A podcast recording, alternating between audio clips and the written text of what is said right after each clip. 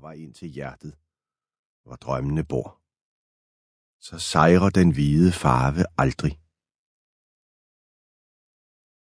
Klippebælterne i fjellene flår den lige så hurtigt af sig og rager kulsorte ud i en hvid verden.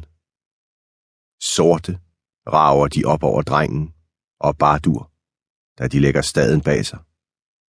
Vores ophav og ende. Verdens midtpunkt. Og verdens midtpunkt er latterligt og stolt. De går til, unge ben. Ild, der brænder. Men de er også i kapløb med mørket, hvad der måske er meget passende. For menneskets liv er et uafbrudt kapløb med verdens mørke, dens bedrag, brutalitet og fejhed. Et kapløb, der ofte virker så håbløst. Og alligevel løber vi. Og imens lever håbet. Bardur og drengen har dog kun tænkt sig at gå fra mørket, eller himlens skumring, være forrest hele vejen til boderne, fiskerhytterne. Og de går nogle gange side om side, hvad der er langt det bedste. For fodspor, der følges ad, vidner om sympati. Og så er livet ikke helt så ensomt. Vejen er dog ofte ikke mere end en smal sti, der snor sig i sneen som en frossen slange og så må drengen nøjes med at se på Bardurs sko bagfra. På skinrenslen, han bærer på ryggen. På det sorte, vildre hår. Og hovedet, der sidder trygt på de brede skuldre. Nu og da træsker de hen over stenede strandbredder eller skrider varsomt ud på klippehyldernes smalle spor. Og det værste sted er uføre, noget tovværk, festet til klippen. En lodret fjeldside ovenover, en lodret klippevæg nedenunder, og så det sugende grønlige hav.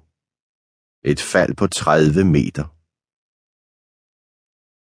Fjeldsiden rejser sig mere end 600 meter op i luften, og toppen er skjult i skyerne.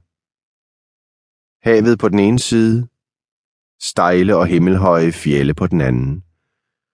Der har du faktisk vores historie. Øvrigheden og købmændene råder måske over vores fattige dage, men fjellene og havet hersker over livet. De er skæbnen. Eller sådan tænker vi til tider. Og sådan vil du selvfølgelig også have det, hvis du i flere årtier var vågnet og faldet i søvn under de samme fjelle. Hvis dit bryst havde hævet og sænket sig med havets åndedræt på vores småbåde. Der findes næppe noget smukkere end havet på en god dag eller en skyfri nat, når det drømmer, og måneskinnet er det strømme. Men havet er ikke spor smukt. Og vi hader det mere end noget andet, når bølgerne rejser sig 20 meter over båden. Når brødsøen vælter ind over den og drukner os som hjælpeløse hundevalpe, uanset hvor meget vi vifter med armene, anråber Gud og Jesus, drukner os som hjælpeløse hundevalpe. Og da er alle lige. Skiderikker og brave folk, jætter og slapsvanse, de lykkelige og de sovfulde. Der er nogle råb, enkelte paniske armbevægelser, og siden er det, som om vi aldrig har været her. Den døde krop synker. Blodet i den bliver koldt. Minderne udslettes.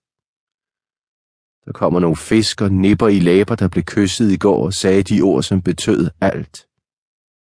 Nipper til skuldrene, hvor det yngste barn sad over skrevs som på en hest. Og øjnene